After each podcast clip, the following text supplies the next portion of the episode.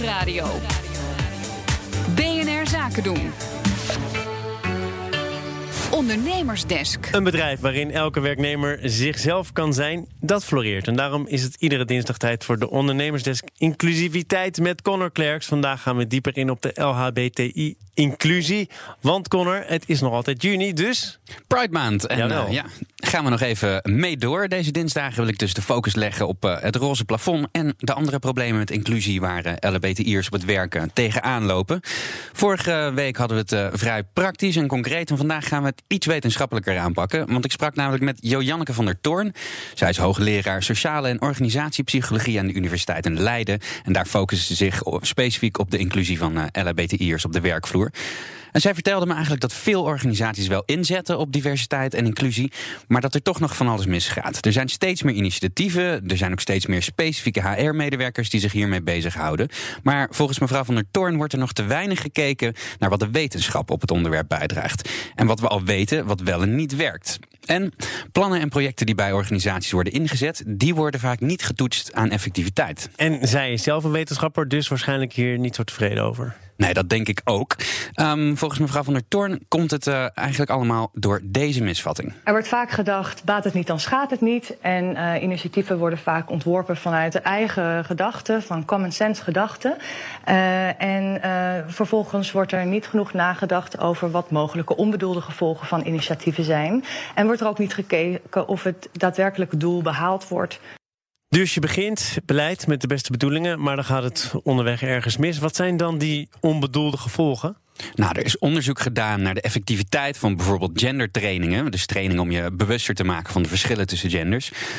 En eh, om zo een inclusievere, inclusievere werksfeer eh, neer te zetten. Maar soms werkt dat dus averechts. Dat leek te maken te hebben met een gevoel van eh, ja, zelfverdediging. Dat mensen in de verdediging schieten door wat ze in zo'n training horen. Eh, ander onderzoek liet zien dat vrouwen die aan zo'n training meededen... wel inderdaad doordrongen werden van de noodzaak om iets aan gender bias te doen. Maar zich tegelijkertijd ook juist bedreigd voelden. Omdat ze dachten, Hè, nu gaat iedereen mij ineens zien als vrouw... en ik wil niet voldoen aan het stereotype. Dus ook daar zie je weer een onbedoeld gevolg... waardoor die vrouwen dus juist minder sterk in hun werk eh, kwamen te staan. En een ander probleem: organisaties die zetten veel in op zichtbare verschillen tussen werknemers, maar te weinig op de onzichtbare verschillen. Dus bijvoorbeeld die seksuele voorkeur. En waarom zou dat dan toch belangrijk zijn om daar op je werk, bijna zou ik zeggen, uitgerekend op je werk mee bezig te zijn? Ja, dat is een beetje eh, eigenlijk de hamvraag. Hè? Er is volgens eh, mevrouw van der Toorn heel veel onbegrip in deze, deze kwestie. Hetero's hebben het toch ook niet over hun seksuele voorkeur op het werk. Dus waarom moeten LHBTI'ers dat dan wel doen? Mensen die misschien niet expliciet discrimineren, denken van: oh ja, maar dat is toch helemaal niet zo belangrijk om, eh, om rekening mee te houden. Want ik heb het toch ook niet over mijn heteroseksualiteit. Eh, en die mensen die zien niet in dat ze het wel degelijk vaak hebben over hun heteroseksualiteit. Maar dat dat niet opvalt, omdat ze met hun heteroseksualiteit voldoen aan een heteronormatieve norm die we in onze samenleving hebben. Ja, het zit er toch een beetje ingebakken. Maar iedere keer dat jij het hebt over je weekend of een date, zoals wij en ik, eh, jij en ik praten over op vakantie gaan eh, met onze partners. Ja, dat heeft eigenlijk allemaal wel gewoon met je heteroseksualiteit te maken. Ja, of met dat ik net, of, net geboekt heb bij een Lando Green Parks. nee, maar ja, dat is natuurlijk toch waar deze discussie over gaat. Denk ik toch? Is dat dan eh, seksualiteit of is dat gewoon delen wat je dit weekend van plan bent? Nou, oké, oké, oké, oké. Hoe pak je dit als werkgever aan?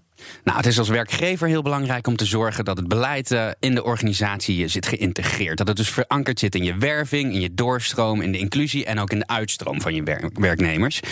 En dat je visie eh, weerslag heeft in je doelen, zoals ze dat zeggen, de initiatieven die je uitvoert. En dat je het meet of het ook echt, echt effect heeft. Dus het effect wat je voor ogen had. Dus je moet eigenlijk niet denken in eh, los beleid, maar heel erg nadenken over hoe past dit beleid bij onze strategische doelen? Eh, wat willen we het komende jaar bereiken? Passen de doelen die we nu hebben opgesteld bij die visie die wij op dit vlak voor ogen hebben? En ja, hebben we aandacht voor zowel zichtbare als onzichtbare diversiteit? Is het volgende week ook nog eh, juni?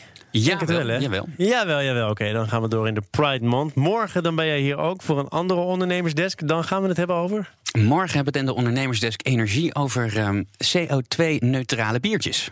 Oh ja, heb je zelf het onderwerp mogen kiezen? Ik heb zelf het onderwerp mogen kiezen, ja. Tot morgen dan, Connor. Tot morgen. Ondernemersdesk Inclusiviteit wordt mede mogelijk gemaakt door Verderkijkers. Een initiatief van het ministerie van Sociale Zaken en Werkgelegenheid.